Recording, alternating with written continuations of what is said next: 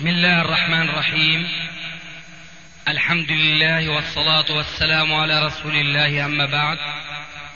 فهذا أحد أشرطة سلسلة الهدى والنور من الدروس العلمية والفتاوى الشرعية لشيخنا المحدث العلامة محمد ناصر الدين الألباني حفظه الله ونفع به الجميع. قام بتسجيلها والتأليف بينها محمد بن أحمد أبو ليلى الأثري. إخوة الإيمان والآن مع الشريط رقم الرابع والعشرين بعد الثلاثمائة على واحد. أستاذ الحقيقة الدكتور أستاذ محمد حسن أبو يحيى كان له رغبة أنه يتصل بكم و يعني إن شاء الله يكون لقاء فيه خير. فهذا هو الدكتور لو وأهلا ومرحبا بكم جميعا. الله يمسيك بالخير. مساك الله بالخيرات. بسم الله الرحمن الرحيم والحمد لله رب العالمين. الطيبات. والصلاة والسلام على أشرف خلق الله المرسلين سيدنا وحبيبنا محمد صلى الله عليه وسلم. زيارة العلماء تعتبر من صلة الأرحام. وينبغي علينا جميعا إن شاء الله هذا واجب. نسأل الله يجعلنا ونشعر حقيقة ظنكم. ونشعر حقيقة بالتقصير. وأن لا يكون الأمر كما قيل تسمع بالمعيد نعم. من تراه. نعم. إن شاء الله تكون الزيارة لله. ذلك ما نرجو. إن شاء الله وتكرر هذه الزيارات. وأنت علامة العالم العربي والإسلامي. وهذا لا نزاع فيه.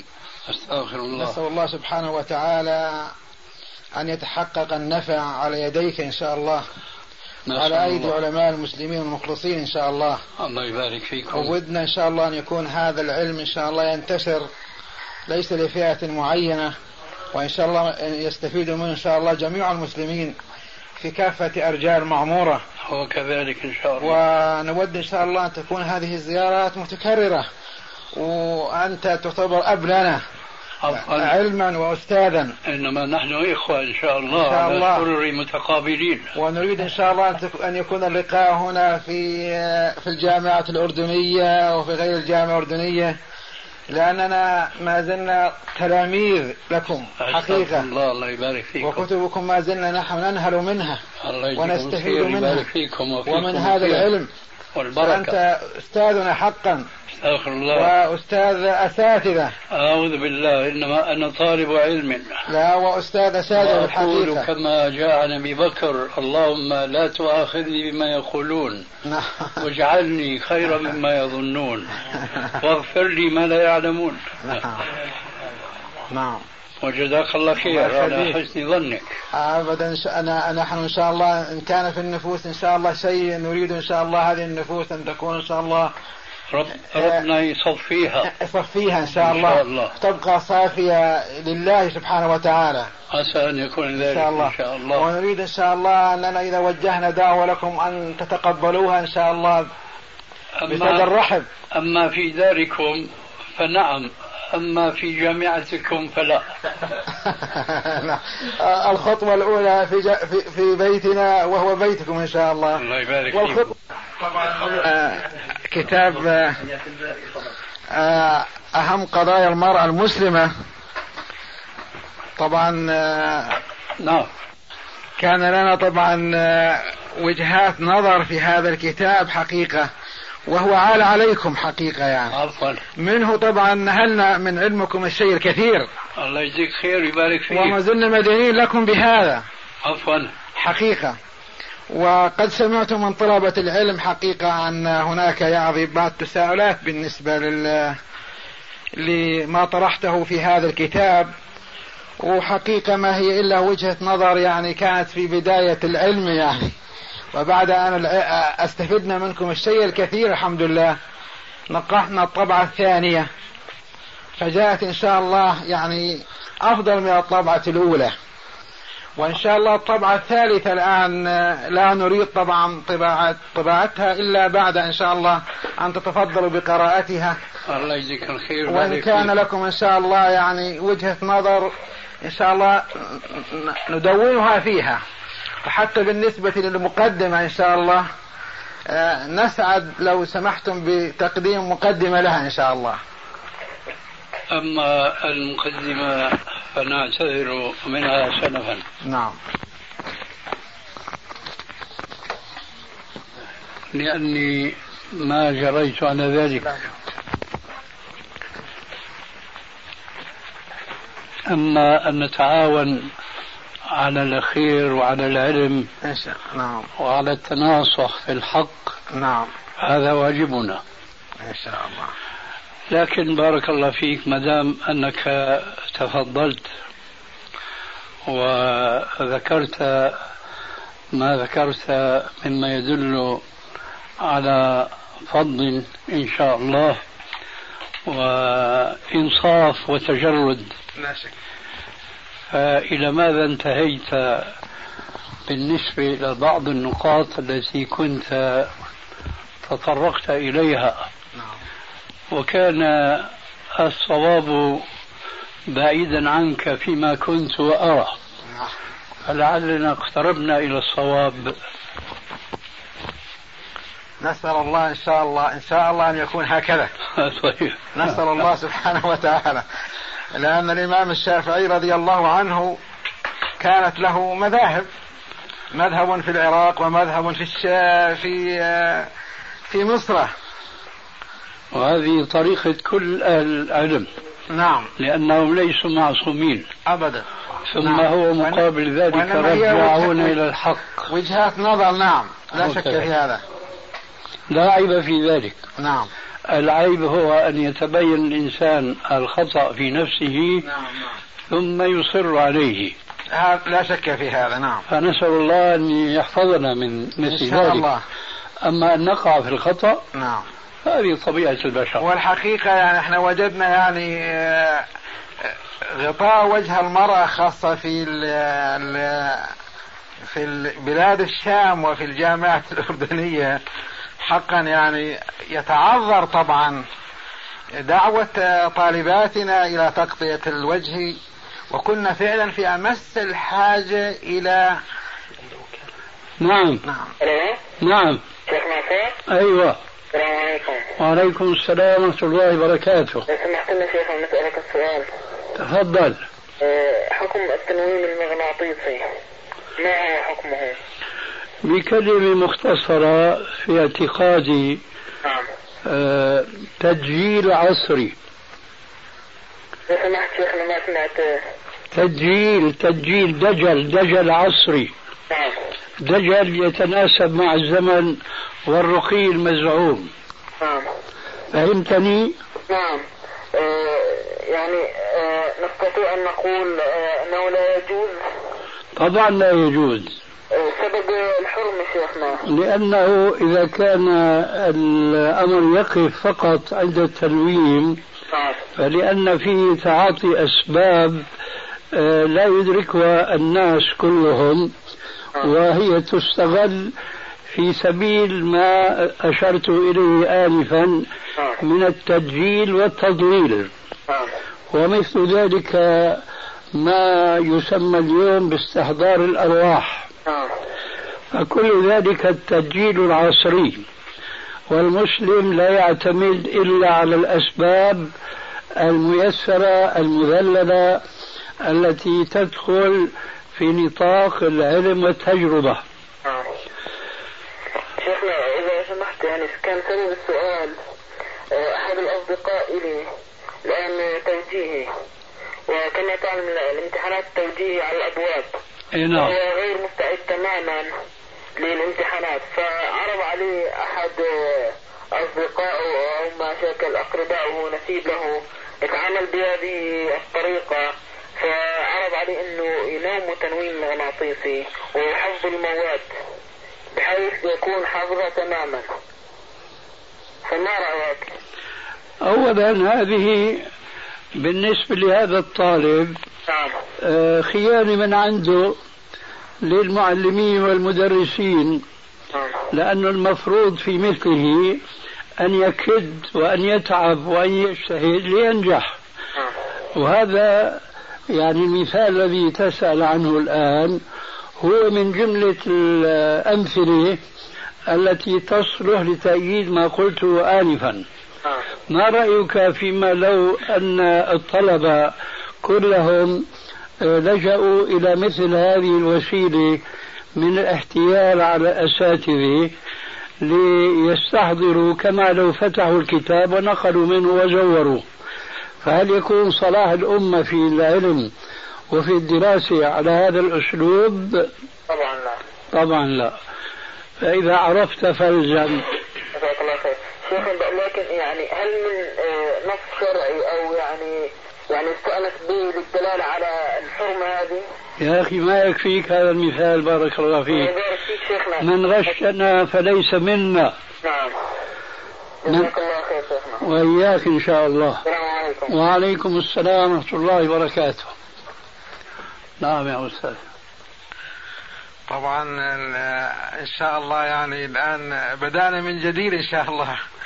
طيب بارك الله فيك. ونلمس إن شاء الله فيك ال- الإخلاص وفيك الله يجزيك خير ويتقبل منك. كل خير إن شاء الله. ويجعلنا عند حسن ظنك. ونحن أتينا إن شاء الله راغبين طائعين إن شاء الله ل... الله يبارك فيك. وهذا ت- تشريف لنا وتكريم حقيقة عندما نرى ابا واستاذا يعني. أستغفر الله. الله يخليك وطول في عمرك. لا أزال أقول اللهم اجعلني خيرا مما يظنون واغفر لي ما لا يعلمون. لكن نريد ال- الدائرة تتسع إن شاء الله. ليعم النفع. إن شاء الله.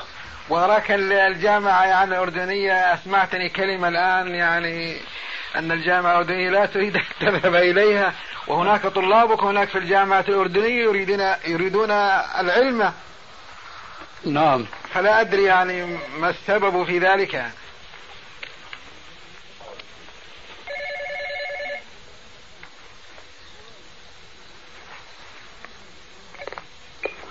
نعم. عليكم. وعليكم السلام ورحمة الله. محمد. نعم. نحن من ليبيا نتكلم من ليبيا؟ نعم. أهلا مرحبا. عليكم. أحمد الله إليك. كيف أنت؟ خير والحمد لله. الحمد لله. اتصلنا بك في رمضان أتذكر. إيه لعلي. آه، أنا وأخي عبد الرحمن. أيوة. هناك بعض أسئلة أحب أن أستشيرك فيها. تفضل.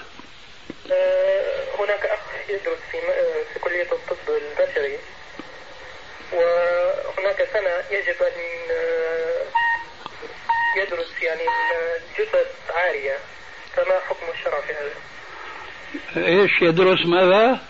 يعني يدرس يتكشف عن عورات الجثث. الأموات نعم. إذا كان لا سبيل إلى العلم الذي هو في صدده إلا بهذا الإطلاع والاكتشاف فلا بأس. أما إن كان هناك سبيل آخر فلا يجوز. لا إنه سبيل الدراسة؟ أنا فهمت يا أخي. بس الدراسة لها سبل. نعم.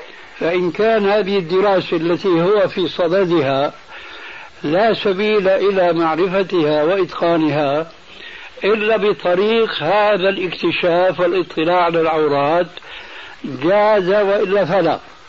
وأنا لا أستطيع أن أقول لأنني لست طبيبا. لا أستطيع أن أقول إنه يوجد سبيل غير هذه السبيل أو لا يوجد. لعلك فهمتني؟ نعم فهمتك. بارك الله فيك. جزاك الله خير. هناك بعض الإخوة يطلبون منك أن تسامحهم. لقد أساءوا بك الظن وقد رجعوا عن هذا. جزاهم الله خيرا. لا تثريب عليهم اليوم يغفر الله لهم. آه، أخي في الله ممكن آه، نتصل بك آه، دائما يعني على اتصال. واهلا ومرحبا في كل يوم في مثل هذا الوقت. وهو بالنسبة إلينا بعد صلاة العشاء. وقد مضى على صلاة العشاء نحو ساعة. أخيك أبو أيوب يتكلم. يتفضل. آه، نسأل عن أمور أخرى. هناك عقدة لمسجد. مال قيمة من مال. أيوه. هل يجوز التصرف فيها في غير شؤون المسجد أم لا؟ لا لا يجوز. إلا إذا صرف في مسجد آخر مثله هو بحاجة إليه. وإن كان المسجد لا لا يحتاج هذا القيمة. أنا أقول في يصرف في مسجد آخر. بارك الله فيك. هذه الأسئلة التي عندنا. بارك الله فيك. وفيكم بارك. السلام عليكم ورحمة الله. وعليكم السلام ورحمة الله وبركاته. مولانا إذا ممكن بس ال- لو دعوة دعوة للبيت هاي تكريم لنا. ودعوة للجامعة لا أدري لماذا قطعت الحبل من البداية. إحنا شاكرين الدعوة في للبيت. السلام عليكم. وعليكم السلام ورحمة الله. نعم. أيوة هو معك. أهلا عبد الحليم محمد أحمد أستاذ من أين؟ من القاهرة. أهلا مرحبا. كيف حالك أستاذ؟ بارك الله فيكم. من أين؟ من متى أنت هناك؟ أنا في القاهرة من عشر سنوات الآن. ما شاء الله ولماذا لم تتصل بنا في هذه العشر؟ والله تقصير أستاذ. كيف حالك؟ خير والحمد لله. لكن علمنا كنت في الرياض وعلمت أنا أستاذ ثاني أن حضرتك جيت الرياض وانتقلت إلى الظهران. لكن مع الأسف ما سعدنا برؤيتك. أسعدك الله في الدنيا والأخرى. اللهم آمين وإياكم أستاذ. كيف حالك؟ بخير والحمد لله. بارك الله فيك. وكيف أهلك؟ طيبين والحمد لله جميعا. بارك الله وإيش عملك الآن؟ عملي أنا متفرغ للكتابة والتأليف من حوالي عشر سنوات الآن يعني. ما شاء الله. وهل فتحت مكتب نشر؟ آه من زمان هذه مكتبة نشر في الكويت موجودة. أنا عارف الكويت لكن أقول هناك في القاهرة. القاهرة فرع القاهرة مقدم يقدم خدمات للكويت. آه، جميل. إن شاء الله أنت موفق. الحمد لله موفق في في التأليف الحمد لله. بالنسبة للنشر والكتاب وال- والتوزيع السوق الكويت والخليج راكدة شيء خيرا. نسأل الله العافية أجوك عند الله. الله يبارك فيك. الله يحفظك. أريد أن أسألكم أستاذ عن ثلاث قضايا. تفضل. في الروايات التي في الطبري في تفسير آية الدين عليهن من جلابيبهن أيوة. ثلاث روايات تفيد يثين على زوجهن ويغطين وجههن ولا يثين إلا عينا واحدة. نعم. حضرتك اثرت في كتاب الحجاب مرة مسلمه أن هذه الرواية ضعيفة. أي نعم. لكن معرفة الشيخ سندي في السعودية وغيره يقولون انها يعني من اصح الروايات. بأعلى درجات الصحة. سامحهم الله سامحهم الله. يعني حضرتك ترى الثلاث روايات الموجوده في الطبري الثلاثه ضعاف الثلاث روايات يا أستاذ علميا لا يجوز الكلام عنها بالتعبير الشامي ولعلك تأثرت بلغتنا عفوا. لا يجوز الحكم على الروايات الثلاث بالكون بالجملة وإنما لكل رواية حديث خاص بها. هل احداهن قويه في غايه درجه الصحه احداهن فقط هي الروايات عندك بين يديك الآن؟ طيب. في عندك رواية ابن عباس. بين يديك رواية ابن عباس. أيوه. بين يديك؟ إيه اقرأ إسنادها. نعم تفضل أستاذ. عن ابن عباس آه، حد- حدثني علي قال حدثنا أبو صالح. قال حدثني معاوية. وقف عند عندك أبو صالح. آه. هذا اسمه عبد الله بن صالح وهو كاتب الليث. وفيه ضعف معروف به عند أهل الحديث وكان له جار يدس عليه ما ليس من حديثه امشي الآن معاوية بن صالح. حدثنا علي قال حدثني ابو صالح قال حدثني معاوية هاي معاويه بعده عن علي عن ابن عباس علي هذا هو علي بن أبي طلحة. ولم يسمع من ابن عباس فهل تعتقد ولا شك أنك تشاركنا في كثير من بضاعتنا في علم الحديث؟ فهل تشك حينئذ في مثل هذا السند أنه لا تقوم به حجة؟ الثاني أستاذ. هاته. حدثني يعقوب قال حدثنا ابن عليا عن ابن عون عن محمد عن عبيدة. عبيدة هذا تابعي. ولو كان حديثه مرفوعا إلى النبي صلى الله عليه وآله وسلم لكان مرسلا. وهل يكون الحديث المرسل حجة؟ نعم. فما بالك وهو مقطوع موقوف عليه؟ موقوف عليه اجتهاد منه. اجتهاد منه. اليه صحيح السند إليه صحيح. العبيدة صحيح. أي نعم. هم هم هم يؤكدون هذا؟ هو ده اللي يقول في غاية الصحة وعبيدة ورجل موثوق فإذا قال هذا فلا بد أن يكون قاله عن علم.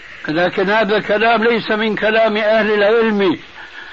يعني إذا صح السند إلى تابعي بقول أو بتفسير أو بحكم فهذا في مواطن النزاع والخلاف. يطرح على الأدلة الشرعية. فإن وافقها قبل لا لأنه هو قال بذلك وإنما لأنه وافق الأدلة الشرعية. آه. وحينئذ لا يجوز الاستدلال به وبخاصة في مخالفة الآثار الصحيحة الواردة عن آه كبار الصحابة وبخاصة منهم ابن عباس هذا الذي وجدت السند إليه ضعيفا هزيلا فقد صح عنه بأن وجه المرأة ليس بعورة. هذا صح عنه أين أستاذ؟ في مصنف ابن أبي شيبة.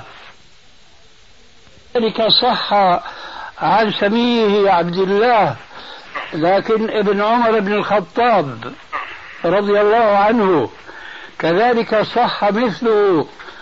فكيف نؤثر ونقدم رأيا لعبيد هذا أو عبيدة عبيد هذا كيف نقدم قوله وتفسيره للآية على ترجمان القرآن عبد الله بن عباس رضي الله عنه؟ الأخ يقول يعني هل ممكن نواصل حديث أستاذ ولا هذا؟ إذا كان لا حرج عليك فأنا معك. لا حرج عليك.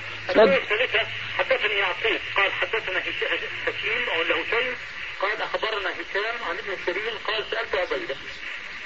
يعني واقف الأخير لعبيدة فقط. عبيدة هذا له يعني أكثر من سند. ولذلك نحن لا نشك بصحة هذا القول المروي عنه. لكن لا حجة فيه. الروايات الأخرى في أربع روايات تفيد إجماعها إلى أي بعضها صحيح عن كلها ضعيف أيضا. بعضها ثابت. وحسبك ما ذكرت لك آنفا عن ابن عباس وابن عمر بالأسانيد الصحيحة أن وجه المرأة ليس بعورة ولكن أنا أريد أن ألفت نظرك إلى ناحية علمية لغوية وهي التي لا يتعرض لها إخواننا مشايخ السعوديين. حينما قال تعالى يدنين عليهن من جلابيبهن فهن فهم يفسرون قوله تعالى يدنين بيغطين وهذا التفسير خطأ من المسلمين جميعا. هذا التفسير خطأ من المسلمين جميعا بما فيهم مشايخ السعوديين لأنهم يبيحون والحمد لله يبيحون للمرأة أن تكشف على الأقل عن عين واحدة وتسامح بعضهم جزاه الله خيرا فسمحوا لها بالكشف عن عينين. فأليس العينان من الوجه؟ آه. كيف إذا يفسرون يدنين عليهن من جلابيبهن أي يوطين وجوههن بجلابيبهن؟ هذا لا يمكن أن يقوله إنسان يفكر فيما يخرج من فيه. ولقد أجريت مع بعض المشايخ هناك في سفرتي التي أشرت إليها آنفا تفسيرا تجربيا عمليا. قلت لأحدهم ها أنت تضع العمامة على رأسك. فافترض أن هذه العمامة هي الجلباب المذكور في الآية. فالآن غطي وجهك بهذا الجلباب. ففعل قلت له امشي إلي. قال لا أستطيع. قلت إذا كيف تفرضون على النساء ما لا تستطيعون؟ كيف يمشون في الطرقات؟ قال نفتح ثقبا. من عجائب الأفكار. قال نفتح ثقبا لترى بعين واحدة. فقلت له أنتم تقولون بفلسفتكم الخاصة حينما لا تجدون من الأدلة الشرعية ما تؤيدون به وجهة نظركم وتقيمون الحجة بها على مخالف مخالفكم تذهبون إلى الفلسفة وإلى علم الكلام الذي تخصصتم بمحاربته فقط في العقيدة. أما في الأحكام الشرعية وفي الفروع فقد تلبستم بعلم الكلام. من ذلك أنكم تقولون كيف يعقل أن يكون وجه المرأة ليس بعورة وأجمل ما في المرأة وجهها؟ هذه فلسفة. وبناء على فلسفتكم أقول لكم إذا كان أجمل ما في المرأة وجهها فما هو أجمل ما في وجهها؟ أليس عيناها؟ قال نعم. قلت فكيف أبحت بأن تكشف عن أجمل ما فيها؟ وهو عينها. وخلاف الإدناء الذي فسرتموه بالتغطية. فبهت الرجل. وهذه نقطة أرجو أن تكون معي مفكرا فيها. لا, لا أريد أن تكون معي مقلدا فنحن كما تعلم نحارب التقليد وندعو إلى التبصير. فحينما قال تعالى يذنين كان هناك حكمة بالغة جدا. حينما عدل ربنا عن قوله يغطينا لأن الإدناء له حدود. وهذا ما جاء تفسيره في السنة العملية من جهة والأحاديث في ذلك كثيرة كما لابد أنك كنت قرأت في كتاب حجاب المرأة المسلمة وبخاصة حديث أسماء الذي يدندن السعوديون على تضعيفه هم ومن تابعهم ومن قلدهم إنهم يذهبون إلى أنه حديث ضعيف وأنا قد قلت بأن إسناد أبي داود فيه ضعيف فعلا. لكن يتقوى أولا بطريق أخرى في سنن البيهقي وثانيا بأقوال الصحابة التي ذكرت لك آنفا بعضها. وثالثا وأخيرا السنة العملية. ألا وهو قوله عليه السلام إذا بلغت المرأة المحيض لم يصلح أن يرى منها إلا وجهها وكفيها. فهذا يبين قوله عليه قوله تعالى في القرآن يدنين. هذا الحديث يحدد آه، مساحة الإدناء وهو جميع البدن إلا الوجه والكفين. بارك الله فيكم وفيكم بارك. أنتم ذكرت تحقيق موسع عن حديث اسماء في كتاب الحجاب اي نعم. ثم ذكرت ما صحيح في صحيح أبي داود. أيوه. هناك شيء جديد زايد على التحقيق الموجود في المرأة المسلمة؟ ستر سترى ذلك في طبعتنا الجديدة إن شاء الله وعسى أن يكون ذلك قريبا طبعا جديد لكتاب الحجاب؟ أيوة أيوة حيكون في مزيد من التحقيق عن اللي يرد هنا الآن؟ وهل تعرف منا الجمود على القديم؟ لا لا لا لا أقول يعني في كل طبعة شيء جديد أنا قصدي بالنسبة لهذا الحديث تحقيق حديث أسماء ح... نعم نعم في جديد. بارك الله فيك. أنت تعرف الطبعة الأولى من الحجاب؟ آه. ألا تجد فرقا وهي الطبعة التي قمتم أنتم بطبعها في مصر. هذا صحيح نعم. آه. ألا تجد فرقا وبونا شاسعا بينها وبين الطبعة التي قام بطبعها المكتب الإسلامي؟ آه. فستجدون مثل هذا الفرق أو أكبر في الطبعة الجديدة إن شاء الله. إن شاء الله الجديد نتوقع حالتها تقريبا. أما متى هذا فليس في ملكي ولا في طوقي.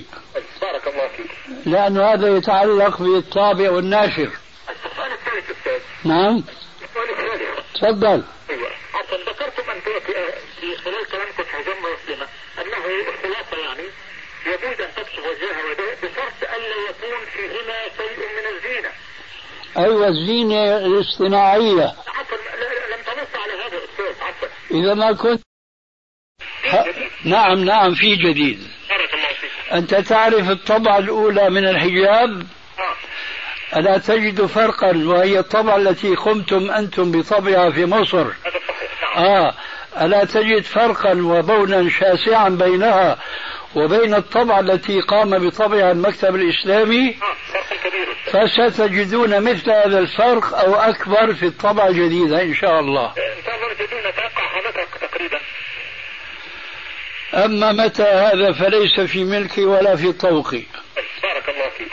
لأن هذا يتعلق بالطابع والناشر السؤال الثالث أستاذ. نعم السؤال الثالث. تفضل أيوه عفوا ذكرتم أنتم في خلال كلامكم في جمله مسلمه أنه الخلاصه يعني يجوز أن تكشف وجهها بشرط الا يكون فيهما شيء من الزينة.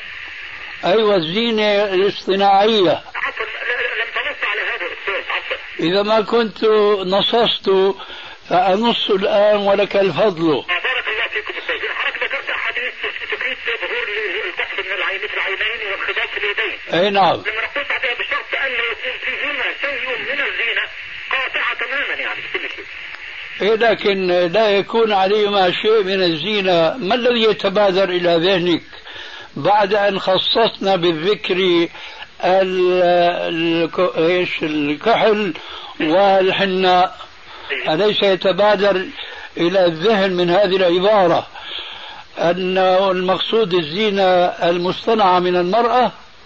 هذا الذي أنا رميت إليه ومع ذلك فسأزيل ما إذا كان في العبارة غموض ما. من عندها يعني قد يغفل عن أو يقول انت تجاوزتم عن الأول طبعا لا يمكن تتجاوزه سببين أحاديث من السنة تثبت شيئا فلا يمكن تنفيه في جهة أخرى. على كل حال إن شاء الله نوضح ذلك بارك الله فيكم. وفيك بارك وإن شاء الله وراكم على خير وعافيه إن شاء الله. وأنتم بخير وتحياتنا الاسره جميعا وربنا يحفظكم ويطيل عمركم وإيديكم. ال- الله يسلمك ويجيك خير والى اللقاء إن شاء الله. أهلا مرحبا السلام عليكم عليكم السلام. بسم الله قدنا أثقلنا على الأستاذ الدكتور هنا حيث كلفناه أن يكرر كلامه مرتين. ولذلك فلا بد من أن نجيبه. الله يجزيك. أنا أقول يا أستاذ نعم. آه، حضوري في الجامعة ليس استنكافا أو رغبة عن الخير ونشر شيء من العلم إذا كان عندي وإنما لشعوري بأن ذهابي إلى هناك سابق لأوانه. ولذلك فالأمر يعود إليك وإلى أمثالك نعم. ممن هو عن يمينك أو يسارك أن تمهدوا نعم. أن تمهدوا لأن أتمكن من أن أذهب إلى الجامعة وأن يكون الجو مهيئا لقبول كلمة الحق. شيء جميل. و ولعلك تعلم أن كثيرا من إخواننا الأساتذة والدكاترة لا يزالون بعيدين عن دعوة الكتاب والسنة. والذين يتكلمون اليوم فيما يتعلق بالفقه فخيرهم من تكلم بما يسمى بالفقه المقارن. وأنا في اعتقادي أن الفقه المقارن اليوم خير منه التقليد بالمذهب مع أننا نحن لسنا دعاة للمذهبية الضيقة. نعم. وإنما ندعو المسلمين بعامة وأهل العلم خاصة إلى أن يقدموا إلى الناس كافة العلم المستقى من الكتاب والسنة مباشرة. ولكن هذا بلا شك يحتاج إلى أهل علم. و ومن النوعية التي لا نزال مع الأسف نشكو من قلتهم في هذا العصر وهم الذين يجمعون بين فقه الكتاب وفقه السنة الصحيحة. نعم. السلام عليكم. وعليكم السلام. حياك الله شيخنا. أهلا. على بالنسبة للأحاديث اللي ذكر فيها لفظ ساعة مثل حديث أبي عندما كان جاء إلى الخطبة والرسول عليه الصلاة والسلام يخطب آه، آه، الصحابي الذي جاء وجلس بجانب أبي فسمع الرسول عليه الصلاة والسلام يقرأ سورة براءة فقال متى نزلت؟ فتجهم أبي ولم يرد عليه فقال سكت ساعة. ثم تجهم سألته بعد ساعة فتجهم فسكت ساعة. هذا كله الرسول يخطب. فإحنا نعرف انه السنة في خطبة الرسول عليه الصلاة والسلام ان تكون يعني قصيرة. ففي الحديث جاء لفظ ساعة ثلاث مرات. يسأل ثم يسكت ساعة يسأل ثم يسكت ساعة يسأل ثم يسكت ساعة. وفي الأحاديث الأخرى يعني أنه تحروا ساعة الاستجابة في العصر في الساعة الأخيرة من العصر أو كذا. فحبينا نسأل هل هي الساعة الساعة الزمنية اللي نعرفها ولا ساعة هي مقدار معين أقل من الساعة أو أكثر؟ الجواب في حديث ساعة الجمعة. لو أنك استحضرته أو رجعت إليه لأغناك عن سؤالي. الحديث تبع أنه يوم الجمعة 12 ساعة. إيه بس في أحاديث أنه هي يوم الجمعة فيها زيادة تالية وأشار بيده يقللها. ارجع إلى الأحاديث الواردة في هذا الموضوع. تجد هذه الزيادة. وهذه الزيادة هي جواب سؤالك عن حديث أبي بن كعب.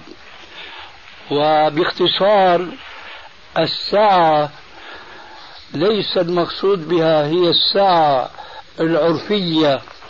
اللي جاء ذكرها في حديث ساعة يوم الجمعة حيث ذكر أنه يوم الجمعة 12 ساعة وساعة الإجابة هي في آخرها. ليس المقصود من الساعة في مثل هذا الحديث كمثل آه، ذكر الساعة في كثير من النصوص الأخرى آه، كمثل قوله تعالى آه، ساعة من نهار. تذكر هذه الآية؟ آه. فالمقصود حينما تطلق هذه اللفظة يعني وقت دون تحديد لهذا الوقت. في فيفسر حينئذ في حدود السياق والسباق. وإذا كان معلوما عندك أن من فقه الرجل قصر خطبته ولا شك أن الرسول عليه السلام كان سيد الفقهاء وكان آه، يطيل القراءة يوم الجمعة ويخفف الخطبة فلا شك حينئذ حينما تستحضر هذا المعنى أنه يجب عليك أن تفسر بالساعة بمعنى لحظة أو لحظات حينئذ يطيح الإشكال واضح؟ نعم. طيب غيره السؤال بالنسبة للوضوء أنه إذا أصبح أحدكم يعني إذا بات أحدكم عقد الشيطان على قفيته بثلاث عقد بثلاث عقد. نعم. لا نهايته. فأقول هذا ما فضل الحائض بالنسبة لهذا الحديث. طيب الحائض بالنسبة لها إذا قامت وذكرت الله يعني انحلت عقدة. أما بالنسبة للوضوء والصلاة. هذا مو إشكال أخي. أولا هذه من حججنا على الذين يحرمون على الحائض أن تتلو القرآن. بل هذا الذي أنت ألمحت إليه مما يؤكد أن المرأة حينما تضع جنبها للنوم يجب أن تعوذ نفسها وتحيطها بشيء من الآيات الكريمة وبخاصة ما كان ثابتا منها في السنة. كقراءة مثلا آية الكرسي. وقراءة سورة تبارك وسورة المزمل ونحو ذلك مما ثبت أن الرسول عليه السلام كان يقرأها قبل أن ينام سواء قبل أن يضجع أو بعد أن يضجع. ومن أهم هذه السور المعوذتان. فأنا في اعتقادي أن هذه المرأة الحائض إذا أتت بمثل هذه الأوراد كان ذلك معينا لها ألا يبول الشيطان في أذنها لأنها داخلة في عموم قوله تبارك وتعالى لا يكلف الله نفسا إلا وسعها فما دامت أنها لا تستطيع شرعا أن تتلبس بالصلاة فعليها أن تتلبس بما يجوز لها من القراءة لما أشرنا إليه من السور أو الآيات. غيره. بارك الله فيك وفيك بارك. يا الله. طول. لا شك أننا إذا حضرنا في الجامعة والشباب الجامعة كما أشرتم نعم هذا مكسب. سيرد عليه علي منهم علينا أسئلة. ونحن بين تحتاج إلى حل. آه. ونحن بين أحد شيئين إما أن نصارح وإما أن نداري. ونحن من زوينا هذا الانزواء الذي ترونه إلا فرارا من المداراة وإن صارحنا بلا شك المصارحة سابق لأوانها. ولذلك فعليكم أن تمهدوا إن شاء الله. وعندئذ تعتبر الدعوة إن شاء الله يعني مقبولة بإذن الله. إن شاء الله. أما الدعوة في البيت نعتبروها مقبولة من الآن إن شاء الله. إن شاء الله. جزاكم الله خيرا. ونحن نقول لإخواننا الذين يترددون علينا أنا من الأشخاص الذين إذا دعوا بالتعبير السوري ما من الأمزح. ما في مزح لا, لا مزح الله يجزيكم الخير. آه. نعم. وطول الله في عمركم إن شاء الله الله. يبارك فيكم. أستاذي الله يجزيه الخير أستاذنا الدكتور محمد حسن نعم. يحيى على الاعتراف بالحق. الله يبارك فيه الله يجزيك خير. أه، بدي أقول أستاذي بالنسبة للحجاب وما ذكرتموه من جواز كشف الوجه وإن شاء الله هذا اللي نعتقد به. الاستاذ أحمد أشار لنقطة. وهي الكيفية أو الحدود اللي يغطى أه، تغطى من هذا الوجه. فيا ترى في لكم رأي في هذا؟ هو بارك الله فيك الوجه لغة وشرعا نعم. ما يواجه به الإنسان فهو قرص الوجه نعم. الذي يجب غسله في الوضوء. نعم. ليس أكثر من ذلك. كأني أستاذي يعني نعم أنا فهمت آه، مرادك لكن طيب. كأني رأيت فعل الأستاذ أحمد. يقول هو الغطاء اللي كانوا يستخدموا آه، في يستخدموه في الشام فكانت تغطي وتضع يعني إشارها في فمها فتغطي اللحية حتى ما تكشف الوجنات أو جزء من الوجنات لأنه استدارة الوجه يقول الأستاذ إنه هذه قد يكون فيها يعني شيء من الفتنة.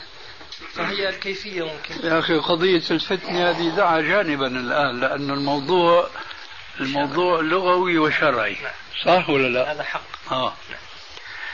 فالوجه لغة هو هذا الذي ذكرناه وتعرفونه. لكن هناك آه، شيء يعرف في اللغة أيضا وهو آه، ما أشار إليه عليه السلام في الحديث المشهور النقاب. لا تنتقي بالمرأة المحرمة ولا تلبس القفازين. فالنقاب تغطي المرأة كل وجهها ما عدا عينيها. فإذا هذا القسم هو إما أن يكون جزءا من النقاب أو لا يكون نقابا من حيث التعبير العربي يعني. النقاب هو الذي يشد على الأنف وتحت العينين. وهذا نحن صرحنا في الحجاب بأنه هو الأفضل. والأفضل بعد أن وجد المنديل هذا هو الأفضل يعني أفضل من النقاب نفسه. لكن البحث ليس في هذا. البحث هل يحرم على المرأة أن تكشف عن وجهها أم يجوز لها ذلك مع بيان أن الأفضل لها الستر؟ آه. فالآن امرأة تستر وجهها بالكلية. هذا هو الأفضل. امرأة في مرتبة ثانية تستر وجهها إلا عينيها. مرتبة الثالثة التي ذكرتها أنت تستر ما دون أنفها فمها. لأنه على الفلسفة السعودية السابقة أنه أجمل ما في المرأة وجهها وأجمل ما فيها عيناها ثم فمها. هو من الفلسفة هذه. فإذا إذا نحن بدنا نشوف مراتب الأفضلية فهو من هنا. لا يرى منها شيء إطلاقا. بارك الله فيكم أستاذ. ثم هكذا. ثم هكذا. ثم هكذا. بارك الله فيك. نعم. لكن أستاذ من الناحية العرفية آه. يعني كان في عرف قديما يعني في عهد الصحابة والسلف كان في عرف هذا الوصف اللي ذكرته عن الأستاذ أحمد كان موجود ولا اللي ذكرته وانت ما, لا يوجد إلا النقاب. وإلا وإلا إذا لم تكن منتقبة أن تدني الجلباب بقدر ما تستطيع إلى وجهها. هذا هو الموجود. المنديل المعروف اليوم. لم يكن موجودا. لكن هذا استعماله أحب إلينا. لأنه يحقق الستر بأوسع معانيه. أي نعم. شيخنا تتميما للبحث قد يقال نعم. وقد قيل حقا. بالنسبة للمسألة اللي أشرت إليها الآن إشارة وهي قضية الفتنة. نعم. يعني الآن هذا مذهب يعني يتوسط فيه البعض فيقولون نحن لا نوجب عليها الستر وكذلك لا نجيز لها الكشف مطلقا ولكن عند خشية الفتنة آه، نوجب عليها آه، الستر. فحبذا شيخنا لو يعني تلقون الضوء على هذه المسألة. أي نعم. أنا حسب ما أفهم من الشرع. هذه الفتنة التي تخشى لا يجوز أن تجعل مذهبا عاما يشمل جميع النساء. لكني أقول أية امرأة آه، تتمتع بما أباح الله لها من الكشف عن وجهها إذا ما شعرت أنها ستقع في الفتنة فهنا يجب أن تبتعد عنها بأي وسيلة وبأي طريق إن كان يكفي السدل والتغطية فبها وإلا فالهرب الهرب. ففرق كبير جدا بين أن نفرض على النساء كلهن أن يسترن وجوههن خشية الفتنة وبين نعم. السلام عليكم ورحمة الله وبركاته. وعليكم السلام ورحمة الله وبركاته. ومغفرته. نعم. والله عندنا أسئلة. لا تكثرها الليلة قللها. في عنا ضيوف. اختر منها أهم ما عندك الليلة.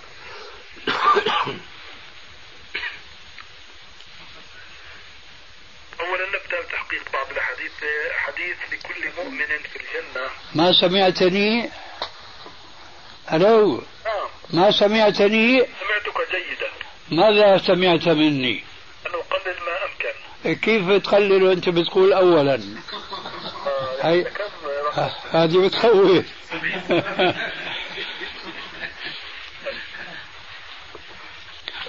في حديث لا أدري ما صحته. إيه. كل مؤمن في الجنة آه، أربعة أبواب. باب يدخل عليه منه زواره من الملائكة.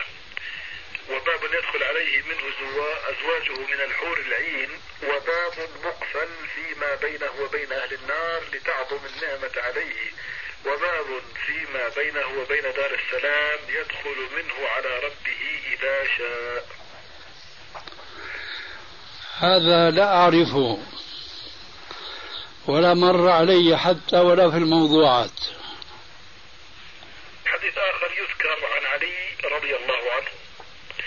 من قال لا إله إلا الله الملك الحق المبين في كل يوم مئة مرة. كان له أمان من الفقر ومن وحشة القبر. وبه الغنى استقرع به باب الجنة. هذا ضعيف لا يصح.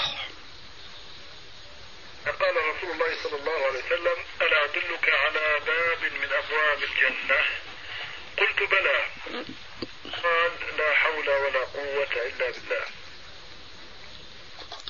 الثابت في الصحيح أنه كنز من كنوز الجنة. هذا نعرفه بس هذا؟ هذا ما أعرفه.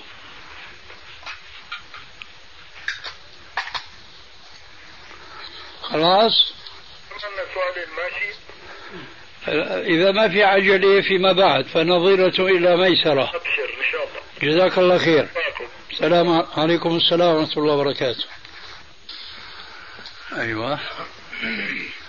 جعل الفتنة مذهبا عاما على كل النساء وهذا يستلزم منه أو يلزم منه بعبارة صح أن نغير شريعة الله. لأننا نعلم جميعا أن الإسلام صالح لكل زمان وكل مكان وأن أي حكم كان في الزمن الأول فهو كذلك إلى أن يرث الله الأرض ومن عليها. لكن إذا تعرضت امرأة للفتنة فحينئذ عليها أن تتعاطى كل وسيلة تبعدها عن وقوع الفتنة. أما خشية أن تقع في الفتنة هذه الخشية موجودة في كل زمان ومكان وهذا يدخل في الواقع في بحث كنا ذكرنا معكم مرارا فيما يتعلق بالمصالح المرسلة. ما لا يجوز الأخذ بها إذا كان المقتضي للأخذ بها قائما في عهد الرسول عليه السلام ومع ذلك الرسول ما أخذ بذلك. فلا شك أن المفسدة موجودة في زمن الرسول ومع زمن الرسول إن كان بلا شك ممكن أن نقول اليوم أنه الفتن والمفاسد أكثر من ذي قبل. لكن ما نستطيع أن نقول أنه الفتنة لم تكن موجودة بعهد الرسول عليه السلام. ونحن نسمع يعني الحقيقة بعض الحوادث آه كتلك الحادثة التي جاء ذكرها في بعض الأحاديث الصحيحة أن رجلا خرج آه منطلقا إلى المسجد فدخل على امرأة وهي في محلها في دكانها قال فلم يدع شيئا يفعله الرجل مع زوجه إلا فعله معها إلا أنه لم يجامعها. وانطلق إلى المسجد وصلى مع الرسول وسأل الرسول عليه السلام. قال له صليت معنا؟ قال نعم. فنزل الله عز وجل قوله إن الحسنات يذهبن السيئات. فهي فتنة موجودة في عهد الرسول عليه السلام لا يمكن إنكارها. فلماذا لم يحرم على النساء خشية الفتنة أن تكشف عن وجهها ولماذا لم يأمر النساء أن يسدلن على وجوههن أمرا واجبا؟ ثم أخيرا يأتي حديث الخطعمية كما نذكر دائما أبدا حيث أن الفتنة ذرت قرنها في تلك الحادثة. مع ذلك الرسول صلى الله عليه وآله وسلم ما أمرها أن تغطي وجهها. وهنا أنا أتعجب من بعض العلماء وبخاصة إخواننا النجديين. نعم. عليكم وعليكم السلام ورحمة الله. نعم. الحمد لله بخير. بارك الله فيك شيخنا تفضل. معلش يا تفضل. بدي نحاول نتصل بك لكن ما حصلت خيرا. أنا الحمد لله. كنا فيك من ليبيا يا شيخنا أهلا؟ الله يحفظك. الحمد لله. نعم. عرفني عبد الرحمن. أهلا مرحبا ما تذكرتك؟ رمضان.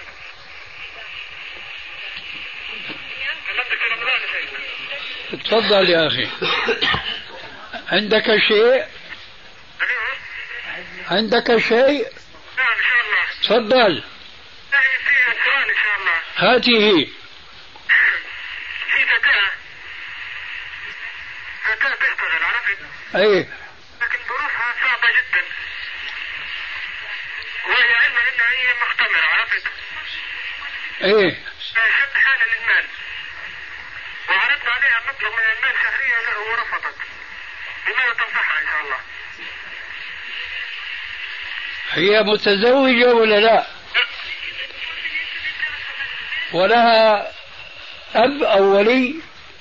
الله أعلم والله. كيف الله أعلم؟ لازم أنت تعلم. الله يا أخي يجب أن تدرس أحوالها. بعد ذلك تعرض قصتها ويمكن أن نتعاون معكم بالجواب الذي يوافق الشرع وفيك بارك. بالنسبة فيه المال ألو نعم. المال إيه. مسجد لكن خوفا أن نعطيه للمسجد ينفق في البدع. ماذا ماذا تأمرنا إن شاء الله؟ كيف ينفق ينفق في البدع؟ نعم. من الذي ينفقها؟ أصحاب المسجد طيب وأنت لك سلطة عليهم؟ يعني يعني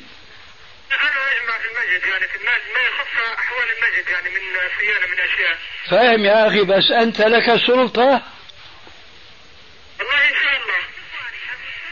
طيب لماذا إذا كان لك سلطة فلماذا تدعهم ينفقون المال في البدع؟ لا ماذا تأمرنا إن شاء الله؟ نأمرك بأن تصرفها فيما ينفع المسجد. وفيك بارك. غير ذلك لا؟ يجوز. أي شيء يتعلق بالمسجد في طاعة الله. ماشي. أهلا. ال- الاطفال يعني الجيل الصغير يعني. كيف؟ عندنا جيل صغير. لماذا تنصحنا من قراءة الكتب لتربيتهم إن شاء الله؟ جيل صغير من الأطفال. أطفال صغار. ما ما أدري الآن ما عندي جواب بالنسبة لهذا السؤال. بارك الله فيك. يا شيخ ناصر نعم. أنا قابل إن شاء الله على الزواج. أه. فيه يعني مشكلة. آه في احصل على البيت يطلب مني صاحب البيت يريد أن يدخل أن يخرج من البيت يأتيه بمبلغ من المال. أيوة. ما حكم هذا؟ ألا تجد دارا أخرى؟ والله نحاول لكن باغلب أغلب ال- الأشياء هكذا. إذا كان ذلك بموافقة مالك الدار نعم. فلا بأس. غير هذا؟ لا يجوز طبعا مرات انه يكون المالك مالك الدار ان هي تكون الدولة يعني آه، يعني يكون بموافقة الدولة إذا. لكن الأمر هذا يتم وياه فقط بدون الدولة فاهم لكن ينبغي أن يكون ذلك بموافقة الدولة وليس غدرا بها. نعم نعم. هو هذا. هذا؟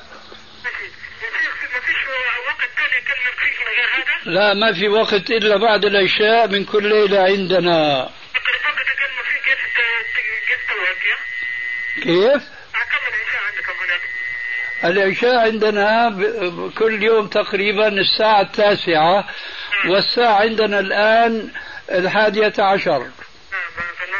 وفيك بارك لا نحن مستضعفين نحن هنا في البلاد نسأل الله أن يقوينا في بلادكم وفي بلادنا. عليكم بتقوى الله ما استطعتم. الله يحفظك يا أخي عليك أنا اسمي عبد الرحمن طبعا وعليكم السلام ورحمة الله وبركاته. وأنا أبو عبد الرحمن. بارك الله فيك. وفيك بارك أهلا مرحبا. الله يبارك فيك. هذا هو اللي حكى أخوه. أخونا. مع موضوع ال- الخثعمية لعلكم جميعا تذكرونه. شيخنا ذكرت إنه إخواننا أو مشايخنا في السعودية أي نعم. عندهم شيء يعني تريد أن تتمم البحث؟ هو هذا يعني يقفون أمام حديث الخثعمية. يسلكون في اتجاهه طرق التأويل وتحميل للحديث ما لا يتحمل حتى يتفق مع مذهبهم المتشدد على المرأة المسلمة. حديث الخثعمية صحيح أنه وقع في الحج. وأنها وقفت في طريق الرسول عليه السلام. إخوة الإيمان تتمة الكلام في الشريط التالي. وأنها وقفت في طريق الرسول عليه السلام. تسأله. قالت إن أبي شيخ كبير لا يثبت على الرحل وقد أدركته فريضة الله الحج أفأحج عنه؟ قال حجي عنه. وخلفه عليه السلام الفضل ابن العباس. وكان وضيئا وهي كان جميلة. فكان ينظر إليها وتنظر إليه. فصرف الرسول عليه السلام وجه الفضل إلى الجهة الأخرى.